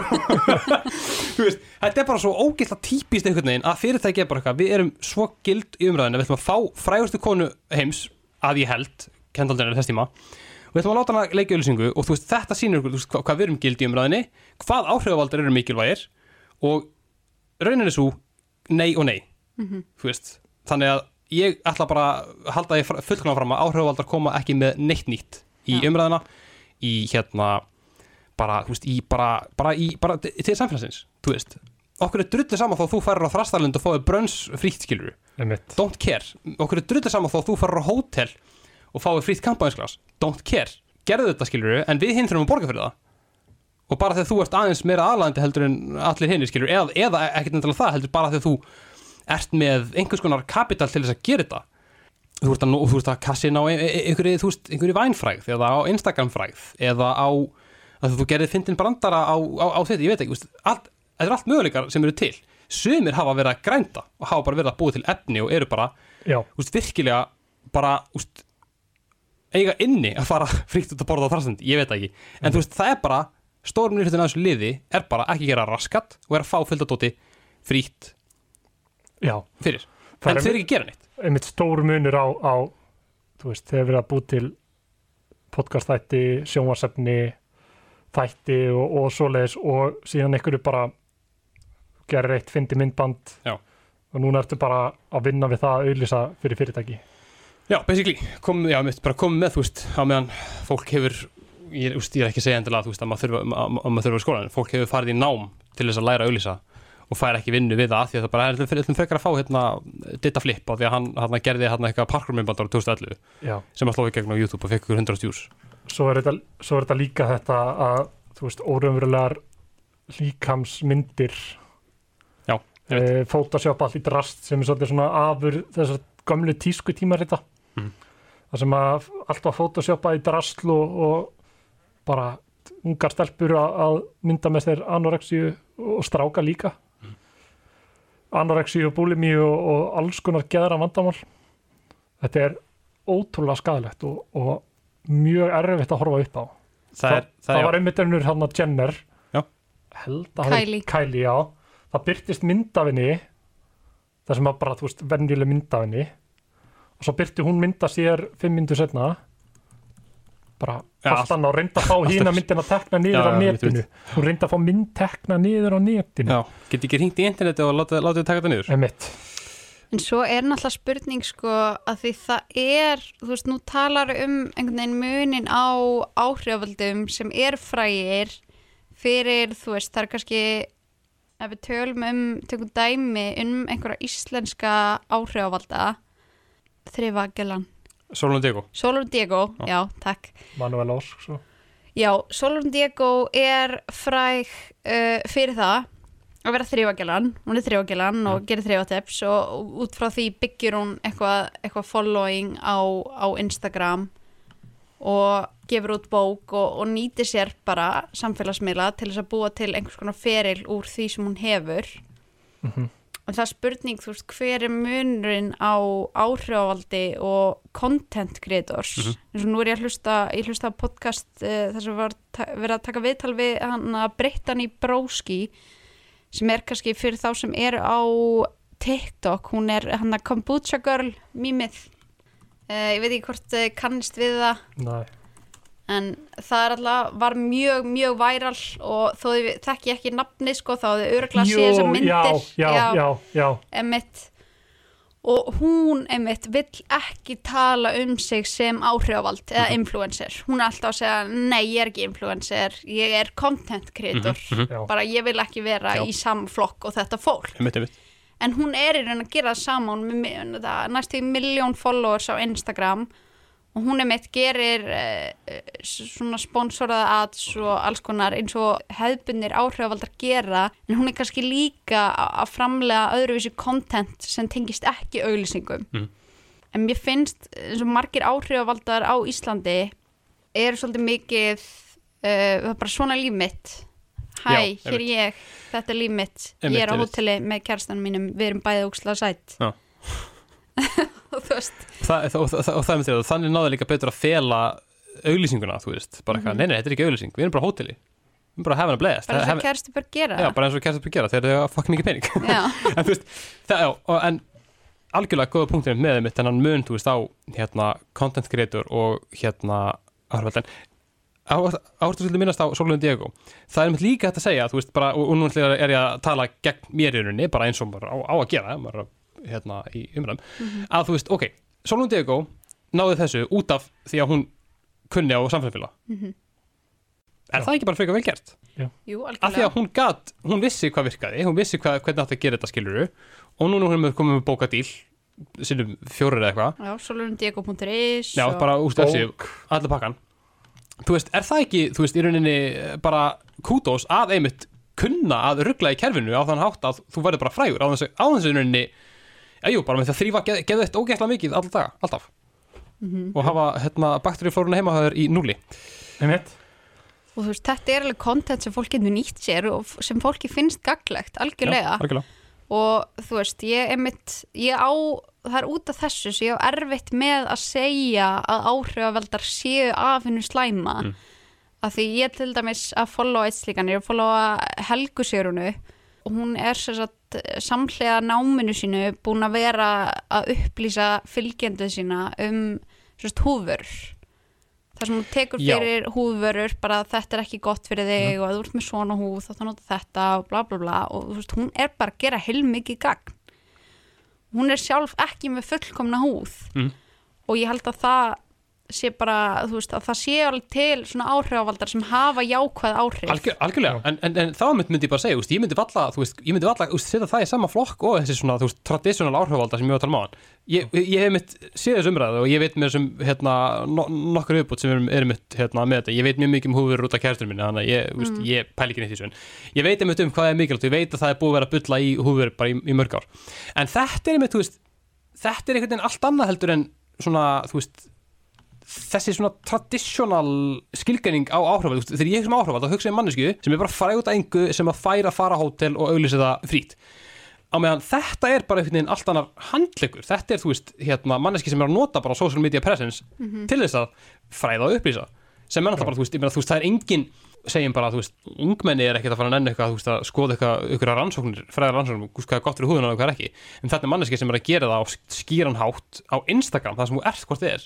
Þú veist, þetta er bara fullkomið, sko Þetta Já. Hvað geta áhrifaldar gert til þess að bæta sig og ímyndera? Vá, ég veit ekki hvað Skapa efni? Já, veist, ég, ég, ég ætla bara að segja hérna, Gerið gagn. Já, nákvæmlega, ég ætla bara að segja eins og bara eins og aður bara fara út að fá okkur vinnu Já, ég myndi segja þetta Nei, sko, ég, ég, ég, ég myndi segja það Þú veist, ef, þú- ef þú ætlar að gera eitthvað, þú veist reynda það að vinna fyrir því, skiljur Þú veist, ekki bara uh, setja myndir á, á Instagram á ströndinni, skiljur Gerði eitthvað, reynda að bara já Frekar að færa sig áttan að þessum content creator titli, skiljur Heldur en að einmitt bara rétta kærastanum síman og svo fara til sjó í hálftíma meðan hann er eitthvað að taka biljónum myndir. Sást líka svolítið á hvað er streittu, áhrifa streitust á móti því að það voru sett lögum það á Íslandi Mm. að þú þarft að gefa upp ef þú varst að gera auðlýsingu fyrir fyrirtæki. Einmitt. Og það voru eitthvað dæmið það þar sem þau voru bara letrið var bara pínu, pínu, pínu lítið. Sunnu Einars já, bara pínu lítið eitthvað stönd í hotnum þar sem enginn sá.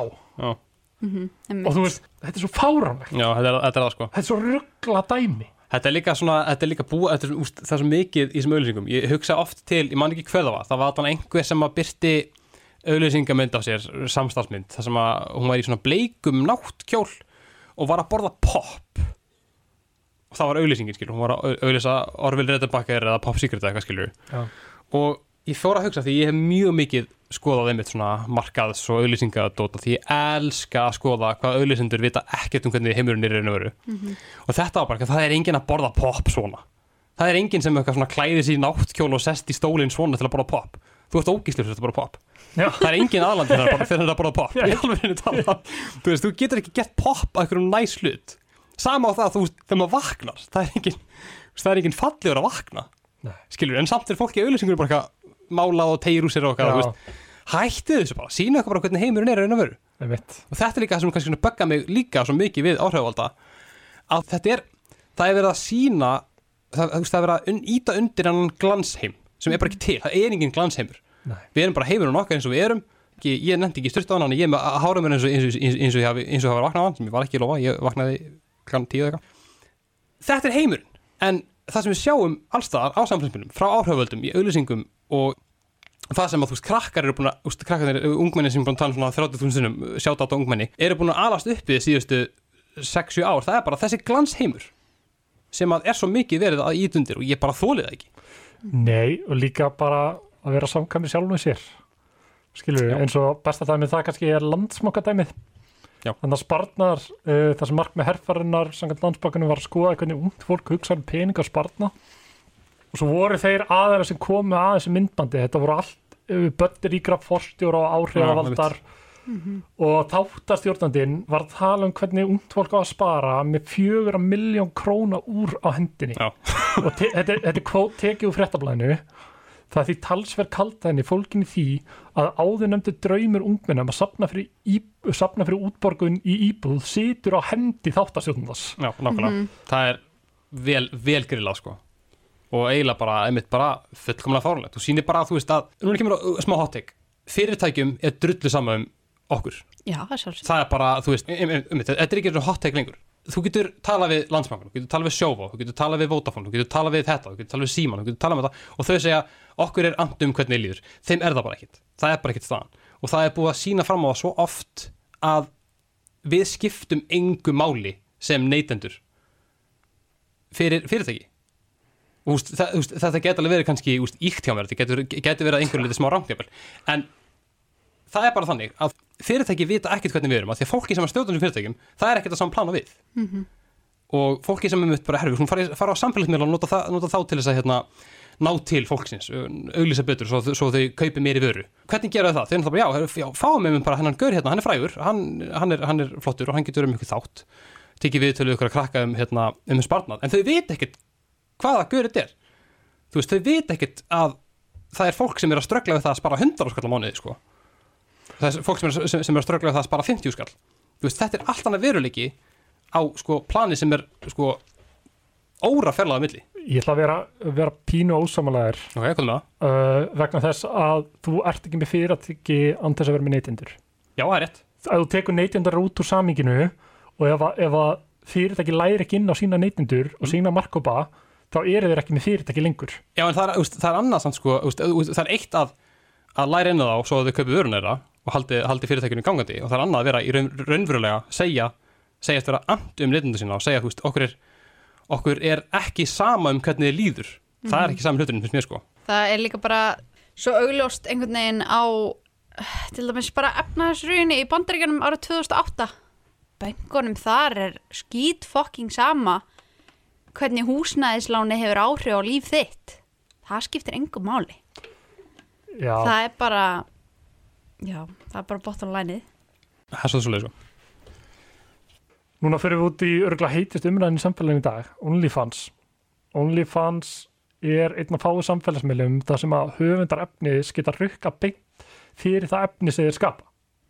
Oftast er þetta rukka mánaðlega, eða 2500 kall á, á mánuði, eða þú getur verið með svo kallaða pay-per-view, sem er það bara sérðu hvaða efni, hvort þessi mynd eða, eða hljóðbrota eða eitthvað og borgar sérstaklega fyrir það. Þetta hefur í gangi síðan 2016 og er eins og er með 450.000 efnisöfunda. Þetta er, það- þetta var upprænlega átt þetta ekki að vera nota sem einhver klámsíða sko. Þetta var þetta bara svipað og hérna bara Patreon. já, bara Patreon, Patreon. Þetta átt að vera svolítið bara svona samkefni við þá. En það er líka fólk að minni sem er að deila tónlist, myndböndum og svona content sem það byrð til. En mest af þessu er klámfengið efni. Mhm. Svo er bara spurning, hvað svona kostur og gallar OnlyFans og ég fór að skoða rosalega mikið að við förum bara út í þessa fyrst þessa umræði sem myndaðist eftir eiginkonu podcastið. Þess að tekið að viðtal við Klörisif, Ósk og Ingolvald sem eru öll á, á OnlyFans og eru að gefa út svolítið svona klám. Mhm. og þetta var mjög umdeilt sérstaklega meðal áhrifalda já, það er rétt. Og margir hverjir voru að gaggrina bæði þáttastjórnundur og viðmælendur í- harðlega. Gaggrinin snýrist þetta að því að þau væri að romantisæsa þetta fyrir ungu fólki, romantisæsa klám fyrir ungu fólki. Og gekk svo lengra að Manuel Ósk og hún var að gaggrina þetta að þetta væri ekki cool fyrir ungt fólk að gefa út klám mér er pínu pínu mikil kaltani sérstaklega áhrifavaldar sem hafa verið í fitness og, og veist, sem er að setja líf sitt á netið. Að segja gaggrinn hvað fólk er að gera við líf sitt sko. en, en sko hún Katrin þetta bent, benti reyndar á nokkuð góða punkt sem ég tek undir að sé stórstónt vandamál er að það er fólk undir átjunna fólk alveg niður í 12 ára sem er að búið til aðgang að fá bara vegaberf hjá öðrum Mm. af því að OnlyFans beðið um ve- vegabrifið eða aukurskýrtinni til þess að til þess að geti farið inn á og til að passa á 16 átunara og það eru krakkar sem eru að fá vegabrif bara hjá öðrum, bara feik vegabrif og eru að, að byrta myndbönda henni. Það er stort vandamál og foreldrahúsið tók undir með Katrinet og nefndi nokkuð dæmi um að ungar stúlkur hafi leitað hjálpar eftir að lendi í krísu á forðinu og þar voru allar töluvert ungu lögaldri samkvæmt Facebook postin sem for, foreldrahús gaf út. Þannig að áðurum fyrir lengra þá vil ég bara íta undir að það er mikilvægt að foreldrar að taka þessi tíma og ræði þetta við bönni sín. Að þetta er rosalega stórt og krakkar flestir vita hvað þetta er þó að foreldrar viti það ekki. Þannig að í guðanabænum tala við krakkan ykkar, taki umræðuna. Og hann ætla að passa sér líka að gera það á sko jafningi grundalli, þetta er ekki maður tekur ekki bendinguna veist, þetta, er ekki, þetta er ekki svona spjall. Það segir eitthvað svona að skammast. Þetta, er, þetta verður bara eins og allt sem er með börn og ungmenni, þetta verður að gerast á jafningi grundalli að spjallum þetta. Það er, svo, það er ótrúlega margt sem það er að tala um Já. sko, og einhvað sem ég hef sjálfur pælt mig mikið í, það er einmitt bara svona ekki bara, bara kynfræðsla, heldur bara klámfræðsla. Þú veist, að krakkar krakkar hafa aðgengi að klámi hvað, hvernig sem er.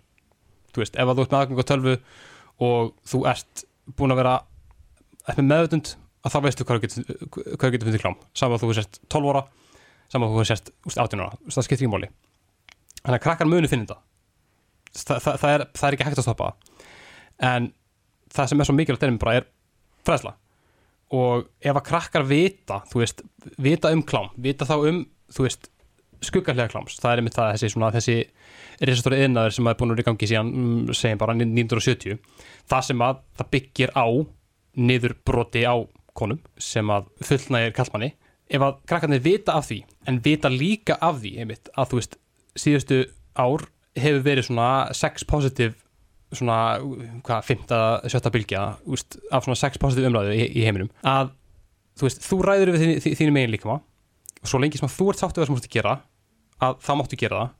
Yfir, yfir, hérna, yfir lögaldri að þú veist, það er þetta er ekki, þetta er ekki svo klift að skóru að þú veist, það er svo, það er svo mikið sem ég sá í þessu umræðu, það er bara klám jæmt og slemt mm -hmm. og það hefur verið náttúrulega mjög lengi, klám jæmt og slemt en það var sérstaklega í svari sem mér, mér sárnar svo mikið að sjá að uh, Sör Stígamóta sem hefur sett á mhm. Instagram Stígamóta náttúrulega, þú veist, er að vinna með þólendur kynfyrsopöldis og þau eru náttúrulega með fullt af vísendarlegum gögnum og, og rannsóknum og alls konar eh, hérna, eh, vittnabörður og bara frásanir fólk sem að sína fram á það, veist, frá þessari slæmu hlið.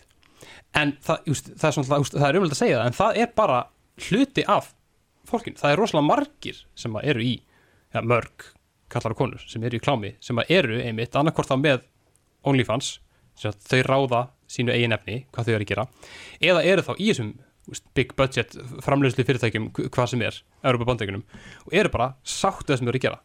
Þú veist, í kannski þann tíma sem við gerum þetta er ekkert myndilega framtíðastarf en það sem stígamótur að segja var þú veist bara að þá voruðu svolítið mikið að setja bara allar, alla einstaklinga sem að eru að gera þetta undir bara einn hatt. Bara þetta er bara, bara forðanömp þau bara hafa lendi í ykkur, ykkur, ykkur ríkalegu áreiti, kynfyrslu áreiti í æsku og þess vegna fóruðu til þetta.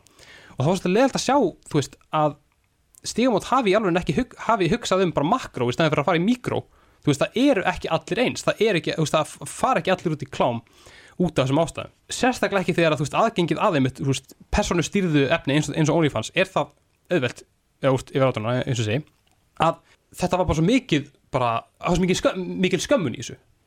Mm -hmm. að setja allar alltaf fólk undir sama hatt, bara þetta er bara broti fólk bara brotna konur mm -hmm. sem verður að gera þetta. Og það er bara ekkert, það, það er ekkert annað en það. En punktin sem með var alltaf bara fræðsla og það er alltaf rétt, það, er, það þarf bara að fræða það þarf að fræða niður, þú veist það þarf að fræða börn það þarf að fræða úlinga ungmenni, það þarf að fræða föturfólk líka, það er margt föturfólk sem bara veit ekki bara, erum við bara með þess að slæmur einslu af, af hérna klámi, veist, það er ekki bara til þess að klám sé slæmt, en í grunninn ég menna, þú veist, ef þú ert að gera eitthvað sem að þú veist sátt skáttrygg ur með eða veist, hvaða, hvaða kyn gerfi sem þú hérna, telur þig vera ef þú ert sátt við það sem þú ert að gera af hverju ekki að fá lefi til að gera það þá er þetta að tala um, þú veist, ekki, ekki glæpir, þú veist, ég ætla bara að tala um þetta í mm -hmm. þessu samingi Já. og svo náttúrulega máli er að stíga mót fær ekki til sín fólk sem hvað segir maður, sem hefur jákaða reynslu að klámi Nei, einmitt, einmitt. Jú, kannski fara til sín fólk sem hefur jákaða reynslu af mm. klámiðinaðanum en það er þá ekki að tala um það Nei. í tímanu sínum Einmitt. af því það hefur jákvæða reynslu af Já. því þannig að þarf ekki á hjálpi nokkur svona úrvinnslu á því af því að það er ekki vandamál til staðar Einmitt. þannig það kannski gleymist líka og þú veist við veitum öll að klám getur verið skadilegt það hefur alltaf verið þannig og það verður alltaf þannig það er bara staðrind og einhvern veginn klámiðnaðurinn hefur svolítið þróast á síðustu árum og, og það hefur verið meiri eftirspurn eftir veist, svona kvennsentrísku klámi ef svo má orða mm. þú veist það sem ánægja hvern fólks er faktor í kláminu líka Já. en svo ef við skoðum bara staðistu klámsíðunar uh, Pornhub og ég veit ekki meir eru fleiri klámsíður uh, Pornhub uh, þá er mitt þú veist ég get ekki hort á hvað klám sem er af því ég veit ekki hvað aðstæður eru í gangi og mér finnst það virkilega óþægilegt. Úst, mér finnst bara virkilega óþægilegt að horfa okkar þar sem ég veit ekki hvort er fólk er að gera þetta sjálfsviljugt eða ekki. Úst, ég, bara samviskan mín getur það ekki. Og það er það sem mér finnst jákvæmt við OnlyFans er að í flestum tilfellum uh, það er aldrei hægt að segja öllum að þá er þetta þú ert að skapa þetta efni mm. þú stjórnar hvernig efni er gert og hvað þú gerir og það er náttúrulega að sjálfsögja jákvægt mm. að það sé til. Og, og emmitt líka að þú sért að fá borgað borguð mannsamandi laun fyrir þessa vinnu. En ekki bara einhverju millilegir nákvæmlega. Já, og einmitt, með, einmitt, veist, með Pornhub. Það getur vel verið að það sé eitthvað efni á Pornhub sem er einmitt ekki veist, ekki uh, slæmt.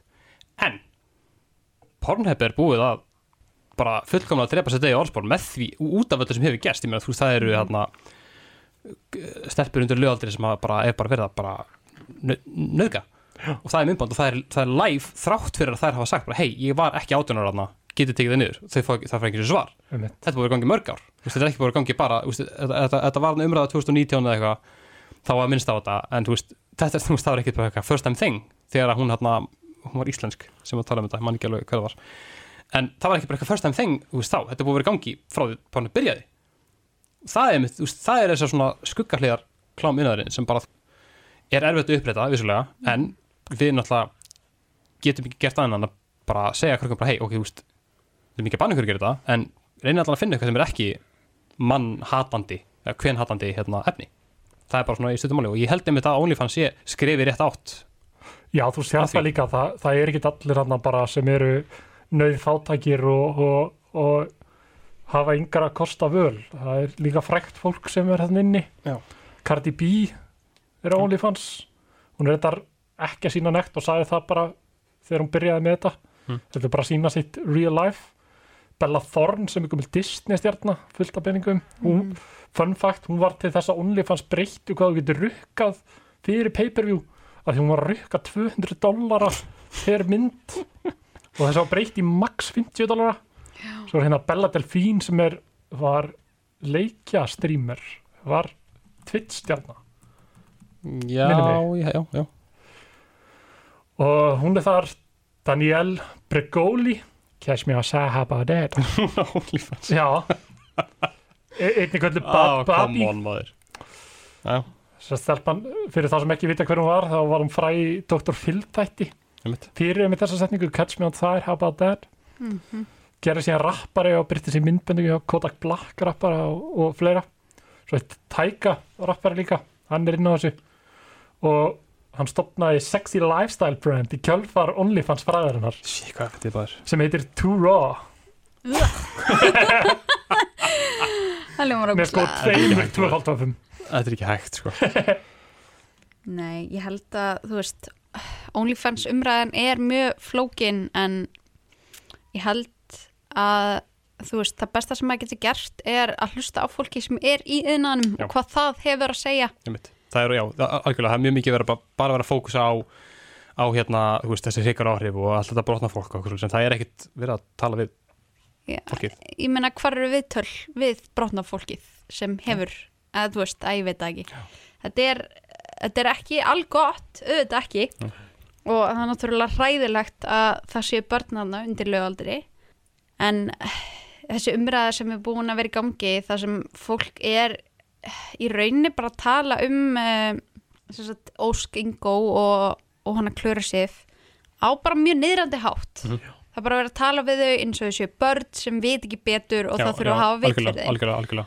og, og það er það sem einhvern veginn já, mér hefur svona fundist neikvæðast í umræðinni Já, þetta er líka, ég las grein í, í vikunni um OnlyFans þar sem að vera að tala um að bara kallar á konu sem hafa verið að vinna á götunni bara Mhm. sem, sem vændis, konur og vændis kallar hafa getað fært sína starfsemi inn á örugan stað já, og þurfa ekki lengur að vinna á götuna því að þeir eru að þjána nóg bara sjálf í gegnum OnlyFans Mhm. sem er, þú veist, stór plús Mhm. í, í bókina hefðum sko einmitt. þá er þættinum að ljúka og við viljum þakka Arnóri kærlega fyrir komina og fyrir skemmtilegt spjall. Ekki máli alltaf, alltaf tilbúinur að koma á spjallum hvað sem er, sérstaklega samfélagspila, yes. Herri, þakka fyrir Arnór. Takk sem leðis Í næsta þætti ætlum við svo að halda áfram með þessa rísastóru umræði sem við komum bara ekki í eitt þátt. Við ætlum að fá Arnór aftur til okkar og að tala um meðal annars rýtskoðun, YouTube, TikTok og cancelkultúr. Já, við takkum ykkur fyrir í dag og tvær vikur